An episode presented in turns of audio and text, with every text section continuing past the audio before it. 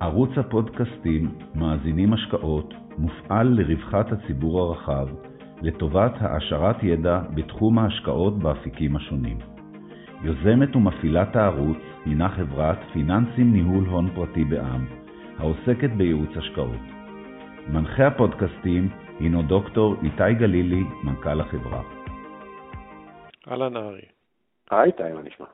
בסדר גמור, תודה רבה שאתה מצטרף לפודקאסט. שמחה. אם אני אזכיר לטובת אלה ששומעים את הפודקאסט הנוכחי, שפעם אחרונה דיברנו בחודש פברואר, אה, והתייחסנו ל... לסקירות אחרונות שהעלית בין היתר באתר אינטרנט שלך שנקרא דוקטור שוק, ואז דיברנו על מה שקורה בתחום ההנפקות, הספאקים ועל סביבת העבודה המסוכנת הזאת, ובאמת אחרי זה התחיל איזשהו תהליך של יציאת אוויר מחלק מה... מה... בוא נקרא לזה הבועות, או משני בועות שהיו בתחום הזה, mm-hmm. והיום אנחנו מדברים על תחום אחר, שהוא בליבת הטרנד של ההשקעות, לפחות בשנה האחרונה, השקעות אחראיות. כן, וכל הנושא. הירוק, נכון. שהוא ממש אה, הופך ליותר ויותר פופולרי גם בקרנות, גם בקרנות פרטיות, גם בתעודות סל, ויש כל מיני ממצאים שיש לך כביקורת על מה שקורה. אה, נכון, נכון, אה, נכון, איתי. למעשה התחום הזה הוא אחד מטרנדים ההשקעות הכי חמים אה, כבר, את האמת, כמעט שני עשורים, אבל ביתר שאת בעשור האחרון ואחת כמה וכמה בשנתיים האחרונים, הערכה שבערך יותר מ-35 טריליון דולר נכנסו לתחומים האלה עד כה, וזה אמור כמעט להכפיל את עצמו תוך בערך עשור. זה תחום מאוד חם. זה, זה בא על רקע של מזג אוויר חם ובעיות מאוד קשות בתחום האקלים והרצון העז אה, לעשות שינוי מאוד משמעותי. ולצורך זה, אחד מכלי העבודה זה ההשקעות. בדיוק, אז, אז בגמר ה-ESG בגדול זה ה-environmental, ה-social וה-governance, למעשה זה נושאים שמה שנקרא נושאים חיצוניים מעבר רק לשורה התחתונה או הרווחיות של החברה, דברים שמשפיעים על הסביבה, על העובדים, על, אה, על אה, למעשה כל הסטייק הולדרס בחברה, שבשנים האחרונות יש דרישה הולכת וגדולה הן מהמשקיעים, וכמובן זה מחלחל לחברות בהמשך. אז קודם כל בואו נחזור ונסביר איך מודדים את הדירוגים של ההשקעות בתחום הזה, איך מי שרוצה להיות חשוף לתחום הזה ולהשקיע בצורה שכביכול שהיא אחראית סביבתית, מה, איך הוא היה נוהג, ואחרי זה נדבר על הביקורת של זה. Uh, טוב, אז uh, הדרך, יש כיום מספר דירוגים שבוחנים את זה. אם ניתן להזכיר, יש דירוג של Morningstar, חברת קרנות, דירוג קרנות הנאמנות הגדולה בעולם, שהיא כל אחת ואחת מהקרנות באתר שלה, היא נותנת איזה סוג של דירוג uh, חשיפה ל-ESG, לחברות שהן יותר מזהמות או פוגעות בחברה, לעומת חברות שהן פחות או אפילו תורמות. אה, וגם יש כל מיני דירוגים של חברות דירוג, בדומה ש... S&P וכמו חברות דירוג האשראי, יש גם חברות אה, אה, דירוג לתחומי ה-ESG, שאת האמת זה אותן חברות, זה MSCI, זה S&P, זה רפיניטי, זה תומסון רויטרס, כל מיני חברות למעשה גם העניקו דירוג למידת הפגיעה של החברה באותם סביבה, חברה וממשל. אז אם יש לנו דירוג של חברות גדולות ומכובדות, מה הבעיה בדירוג הזה? אז הבעיה הגדולה שבניגוד לדוגמה לדירוג אשראי שהזכרתי כרגע, אותו double A או triple B plus שאנחנו מכירים לדירוג אשראי של אגרות חוב קונצרניות, אז אה, בדירוגי ESG יש חוסר הסכמה אפילו די משמעותי בין, ה, אה, בין אותם דירוגים. אה, אם אפשר לחשוב שהדירוגי אשראי של אותם חברות מודי'ס ו-S&P מאוד דומים, דירוגי ה-ESG של חברות אה, הם בערך מתואמים רק ברמה של 50 אחוז, כלומר, יש הרבה מאוד חוסר הסכמה, גם בין, ה, בין היתר במשקולות ובזה, אבל יותר בהגדרות, איך אפשר לבוא ולהגדיר חברה האם היא תורמת, האם היא פוגעת בסביבה, מאוד מאוד, אה, זה, זה תהליך מאוד מאוד סובייקטיבי במידה כזו או אחרת. אז אז אם זה סובייקטיבי, אז מה המשמעות פה בכלל של הדירוג?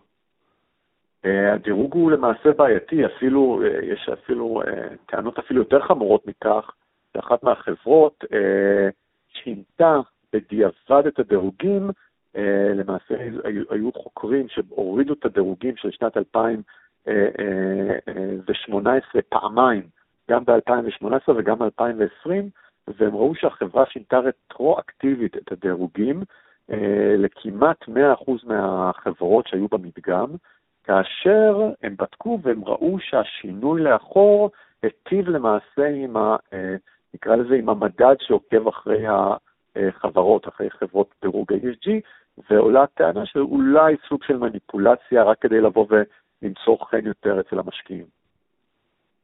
אז זאת אומרת, מה שאתה אומר שהחברות יותר חכמות והן יודעות לנצל את ה... בדיוק. אופן הדירוג.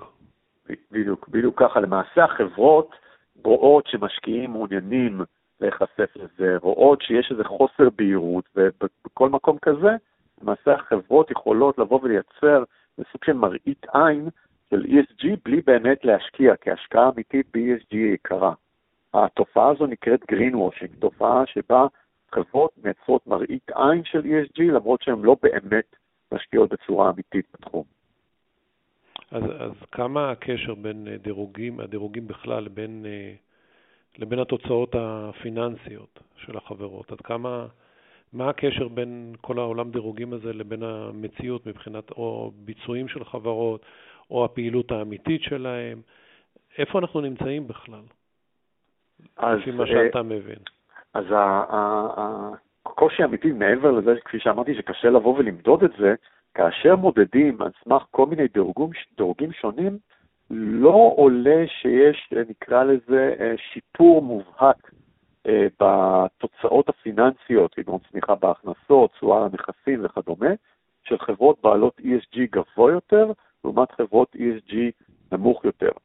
ויותר מזה, גם במחקרים שנמצא, והיו מספר מחקרים שנמצא איזה קשר חיובי חלש, עולה גם שאלה פה בכלל, נקרא לזה יותר שאלה אמפירית, שאלה של בדיקה שזה לא בהכרח שתוצאות ESG גבוהות אה, אה, מובילות לתוצאות פיננסיות יותר טובות, אלא אולי אה, הקשר הוא דווקא בכיוון ההפוך, כלומר, חברות בעלות תוצאות פיננסיות, כלומר חברות איתנות יותר, שיש להן יותר כסף, יש להם באמת יותר יכולת להשקיע באותן עלויות גדולות של ESG, של אה, סביבה, חברה וממשל. זאת אומרת, אותן חברות שמלכתחילה הן חזקות, זאת אומרת, יש להן דברים חיובי, זאת אומרת, הן רק מאותתות על זה שהן חברות, אה, בוא נגיד, זה כמו סוג של פרסום, מעבר לזה, בדיוק. אין לזה, אין לזה משמעות מיוחדת. נכון. אז איך אתה מסביר את כל התעודות סל שיש בתחום וכל האווירה ה... אם, אם ההשקעה הזאת לא יעילה, אז עד כמה השוק הזה יכול להמשיך ולגדול, שאין אחיזה מציאותית למספרים? אז, אז א', הוא יכול לגדול עוד הרבה. אה, כמו הרבה מאוד טרנדים של השקעות ש, שבהתחלה אה, אה, צצים, אה, הרבה פעמים הטרנד הופך להיות להייפ, ובהייפ קצת אנשים שוכחים את אותם אלמנטים בסיסיים, או את הדרך לבוא ולבדוק דברים כאלה. האם הוותיקים מבינינו זוכרים את ה... את אה, בועת ה dot com, ששם כל אה, חברה הוערכה בשווים אה, לא הגיוניים, למרות שהיא אפילו עוד לא מתקרבת לרווחיות או לדרך לייצר הכנסות. אותו דבר במידה קצת אחרת, גם, גם בעולם הזה נכנס, יש הרבה מאוד דרישה של משקיעים, משקיעים מאוד מאוד, מאוד מעוניינים להיחשף לזה, מה שנקרא להשית את הערכים שלהם על תיק ההשקעות שלהם, ולכן נכנס הרבה מאוד כסף. אבל בגלל שאין אה, אה, אין, מה שנקרא דירוגים או דרך לבוא וטובה להשוות, והחברות יכולות לבוא ומה שנקרא לעשות מניפולציה קצת של מראית עין, אה, נוצר הרבה מאוד חוסר הבנה, ו, וכנראה הרבה מאוד אה, גופים הולכים קצת, מה שנקרא, להיפגע ב, ב, בציפיות שלהם למה שהם מקבלים בהשקעה אה, ב-ESG, עד שהשוק ילמד את זה בצורה יותר טובה.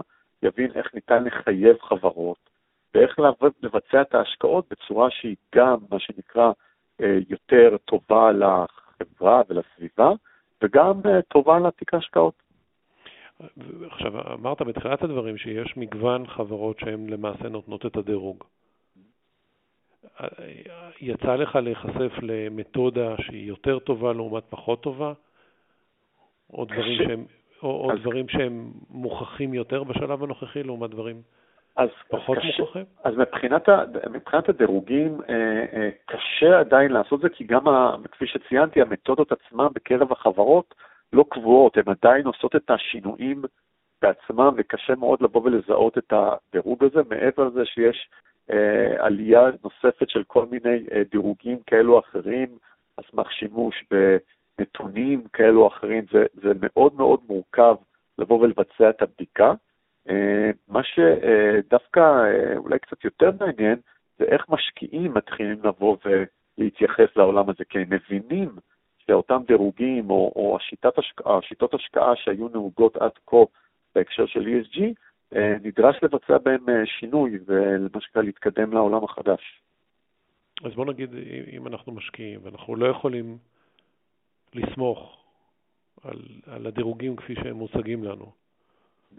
מה משקיע ממוצע יכול לעשות במידה והנושא הזה חשוב לו? אז, אה, אז פה זה מאוד מאוד תלוי אם אתה, אם אתה משקיע מוסדי או משקיע מקרב הציבור. משקיע מוסדי, והרבה מאוד מוסדיים מתחילים להבין את זה אה, אה, בעולם, וגם בארץ אנחנו שומעים בשבועות האחרונים, בחודשים האחרונים, כל מיני גופים שמתחילים לאמץ כל מיני מדיניות ESG.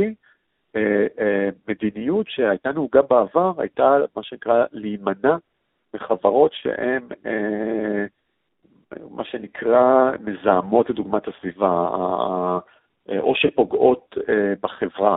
הדוגמאות הכי בולטות זה חברות פחם, זה חברות גז, זה נפט, חברות נשק, חברות הימורים וכדומה. אלו חברות שמשקיעים מבינים שכנראה הם אומנם יכול להיות שהן רווחיות יותר או פחות, אבל בסופו של דבר כנראה יש להן גם פגיעה מסביב. אז זה דרך אחת, להימנע מזה. הדרך החדשה, מה שנקרא של העולם החדש, זה שאותם גופים מוסדיים אה, מתחילים מה שנקרא להשמיע את קולם, כלומר, הם לא בהכרח נרתעים מהחברה המזהמת וכדומה, אבל הם ישפיעו עליה על ידי הצבעות, על ידי לחץ על ההנהלה, ובמידה וה, והגופים האלו לא, אה, מה שנקרא, ישתפו פעולה ויתאימו את עצמם, אז כמובן אפשר לבוא ולמכור את המניות, וזה חושב שזה מלחיץ כמעט כל מנכ"ל שגוף מוסדי גדול מוכר את המניות שלו. אני חושב שההודעה הראשונה ראינו השבוע של אה, בית ההשקעות אלטשולר שחם, שהכניס למדיניות שלו שהוא מתכוון אה, להוריד אה, השקעות. כן, דלקים פוסיליים, מה שנקרא. כן. נכון, ומגדל הודיעו את זה שנה שעברה, בערך באמצע השנה. זה למעשה, זה תחום, וזה עוד פעם, צריכים לחשוב על זה, צריכים לזכור, זה שני גופי השקעות הכי גדולים בישראל. זה לא איזה, אה, איזה טרנד איזוטרי אה, קטן, זה מדובר על החלטה. אה, מי יעשה את זה יותר טוב או פחות טוב, צריכים לבוא וללמוד, ופה היתרון שלנו בישראל, זה שיש כבר ניסיון של למעלה מעשור בחו"ל, כדי לבוא ולהבין איך עושים את זה בצורה שבאמת תשפיע לטובה על, ה, אה, על באמת על אותו ESG, אבל לא תפגע במקביל בתיק ההשקעות ובתשואות של החוסכים. אוקיי, okay, אז בוא נגיד מוסדי, יש לו הרבה כוח בידיים, והוא יכול להחליט שהוא משפיע בצורה אקטיבית. מה המשקיע הפרטי יכול לעשות? אז משקיע פרטי, עוד פעם, תלוי במסגרת זה, יכול לפתוח דוחות כספיים. לא מעט חברות מתחילות להכניס את זה בצורה משמעותית בתוך הדוחות הכספיים שלהם, ובצורה ברורה, ו- ומראות את זה, ו- וניתן לבוא ולשפוט את זה בצורה די, די, מה שנקרא, די הגיונית. מעבר לזה, כפי שאמרתי, יש תחומים שברור לנו שהם יותר, שהם יותר uh, תורמים לזה, לדוגמה, אנרגיה סולארית, או כל מיני אנרגיה גיאותרמית, או דברים כאלה שאנחנו מבינים שכנראה זה תורם יותר לסביבה מאשר אותם דלקים פוסיליים שהזכרנו, אה, לא מזמן, וגם כמובן כן אפשר לבוא ולפתוח את אותם דירוגים, בארץ יש לנו את, את דירוג מעלה, ובחו"ל יש את, את המספר הדירוגים האחרים שציינתי שכן מראים את זה, זה יכול להיות, כפי שאמרתי, אומנם יש בזה בעיה, אבל זה עדיין יכול להיות התחלה או בסיס טוב לחקור האם החברות שאנחנו משקיעים בהן בתור אנשים פרטיים הן ראויות להשקעה. אבל זה עדיין משהו שלא, סביר להניח שלא ישפיע על ביצועים של, ה, של המניות עד שלא ייכנס רגולציה כנראה יותר קפדנית לשיטה אחידה של דיווחים, בוא נגיד לפחות בדוחות כספיים, שמשקיע פרטי יכול להבין את זה. נכון. כפרמטר. נכון. אני חושב שהרגולציה עדיין לא שם ברמה של הדיווחים. אם, המוס, אם הגופים המוסדיים לא מבינים, אז מה שנקרא, איך, איך המשקיע הפרטי יבין את זה, אבל עדיין אפשר לחשוב בצורה הגיונית. ודרך אגב, הקושי פה, ואולי דווקא פה זה גם היתרון, בגלל הסובייקטיביות של אותם דירוגי ESG, כל משקיע פרטי יכול לבוא ולהחליט מהם הערכים שחשובים לו ולבצע מה שנקרא את ההתאמות עבורו. יש משקיעים שחשוב להם יותר הסביבה, אולי קצת פחות ממשל או דברים כאלה, ואפשר לבוא ולייצר פה אולי קצת אה, מה שנקרא אה, תמהיל שמתאים למשקיע הספציפי. מעבר לכך שגם אה, בהקשר של השקעה פסיבית, גם מתחילים לראות ניצנים של כל מיני דירוגים שהם לא, או מדדים שהם לא רק ESG, אלא פירוק ל-E, ל-S ול-G, ואז כל משקיע יכול למצוא את מה שהכי מתאים לו. טוב, נקווה שהתוצאות שנראה בעתיד יהיו יותר טובות ממה שאנחנו שומעים במחקרים שאתה מעלה לנו בפרסום שלך. תודה רבה, תודה רבה על הזמן שלך, ואנחנו נדבר בפוסטים הבאים שאתה מפרסם. בשמחה, תודה רבה איתי, ותודה רבה לכולם. להתראות, ביי ביי.